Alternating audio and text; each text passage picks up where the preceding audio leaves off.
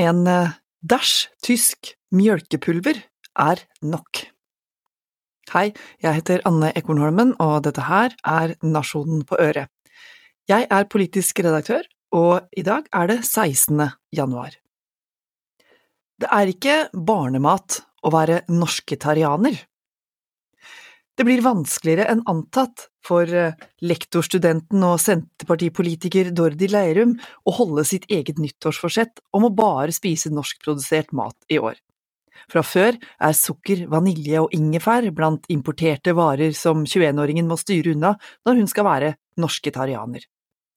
Nå må kanskje også egg, poteter og yoghurt ut av handlekurven. Jeg så det med egne øyer på Coop mandag morgen, tomme eggehyller. Og attpåtil varsles det manko på norske poteter utover våren. Er vi ikke sjølforsynt med noe lenger i dette potetlandet? Aller størst oppmerksomhet får mjølkemangelen. Det har aktørene sjøl den tvilsomme æra for. Snyt Norge, skandale, juks! Skjellsord og karakteristikker hagla da det blei kjent at samvirket Tine vil putte 2,5% mjølkepulver fra Tyskland inn i yoghurten sin, og samtidig få lov av stiftelsen Norsk Mat å bruke Nyt Norge-merkelappen.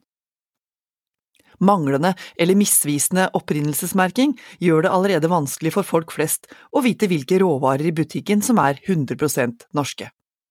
Det blir ikke enklere å navigere når Norsk Mat og Tine med åpne øyer tukler til det som skal være det offisielle opprinnelsesmerket for norsk mat.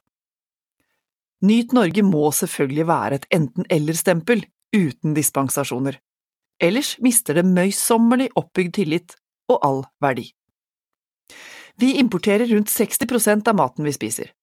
30% av all frukt og grønt i norske butikker kommer fra Spania. Sårbarheten i dette her er jo alarmerende, og burde bekymre alle som blåser av klimaendringer og mener vi uansett kan kjøpe det vi trenger. Regner vi med kraftfôret som importeres til husdyrproduksjon, er sjølforsyningsgraden rundt 39% ifølge Nibio. Hvor langt bakover i kjeden skal Dordi Lerum og andre som vil prøve seg på en norsketarianerdiett, egentlig gå for å avgjøre matens nasjonalitet? Norske kyr har for eksempel mellom 82 og 97% norskandel i fôret, ifølge Animalia. Det kjøttet kaller vi norsk. Gris ales opp på 71% norsk fôr, mens høns og kylling bare er halvveis norsk når vi regner etter andelen importerte råvarer i fôret. Minst norsk etter denne skalaen er det norske flaggskipet laksen. I 2020 var bare 8% av laksefôret norsk. Burde kjøtt og andre varer merkes som grovhetsskalaen på brød, ei kake delt i fire som viser om produktet er 0 til 25% 25 til 50, 50 til 75 eller 75 til 100% norsk? De færreste tenker jo på dyrefòr når vi handler mat i butikken. I det hele tatt er det mye vi ikke veit. Som at yoghurt inneholder mjølkepulver. Kanskje har du ikke engang registrert Nyt Norge-merket på Tine-begeret? eller for den del tenkte over at kuyoghurten ikke har Nyt Norge-stempel. All PR kan være god PR, og kanskje er det aldri så gærent at det ikke er godt for noe. I kjølvannet av Nyt Norge-fadesen foregår det i alle fall utstrakt voksenopplæring, både gjennom VG, NRK og i kommentarfeltet. Ingenting er bedre enn at matbevisstheten øker blant forbrukere. Fordi norsk mat har et fortjent godt rykte, er det fristende å slenge på et norsk flagg på pakka, eller bruke honnørord som hjemmelagd, kortreist og lokalt på emballasjen, uten at det faktisk garanterer noe om hvor stor del av produktet som er norskprodusert.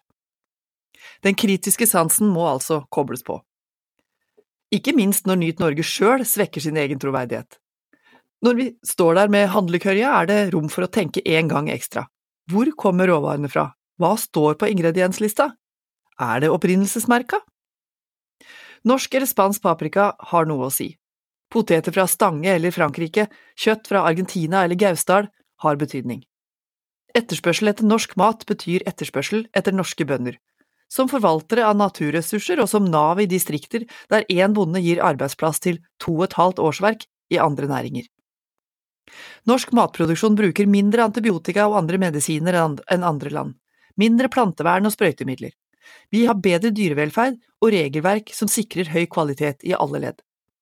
Det er verdt å betale for å ha mattrygghet i fredstid og beredskap for urolige tider. Vi kommer ikke noensinne til å bli sjølberga her i landet, men det skurrer for de fleste av oss når basisvarene uteblir fra dagligvarehyllene. Å velge råvarer som er i sesong, gjør at du nærmest automatisk spiser mer lokalt produsert og kortreist. Det er det første steget for den som vil prøve seg som norsketarianer. Og den største bøygen kan nok for mange bli at Norge ikke er kaffedyrkere.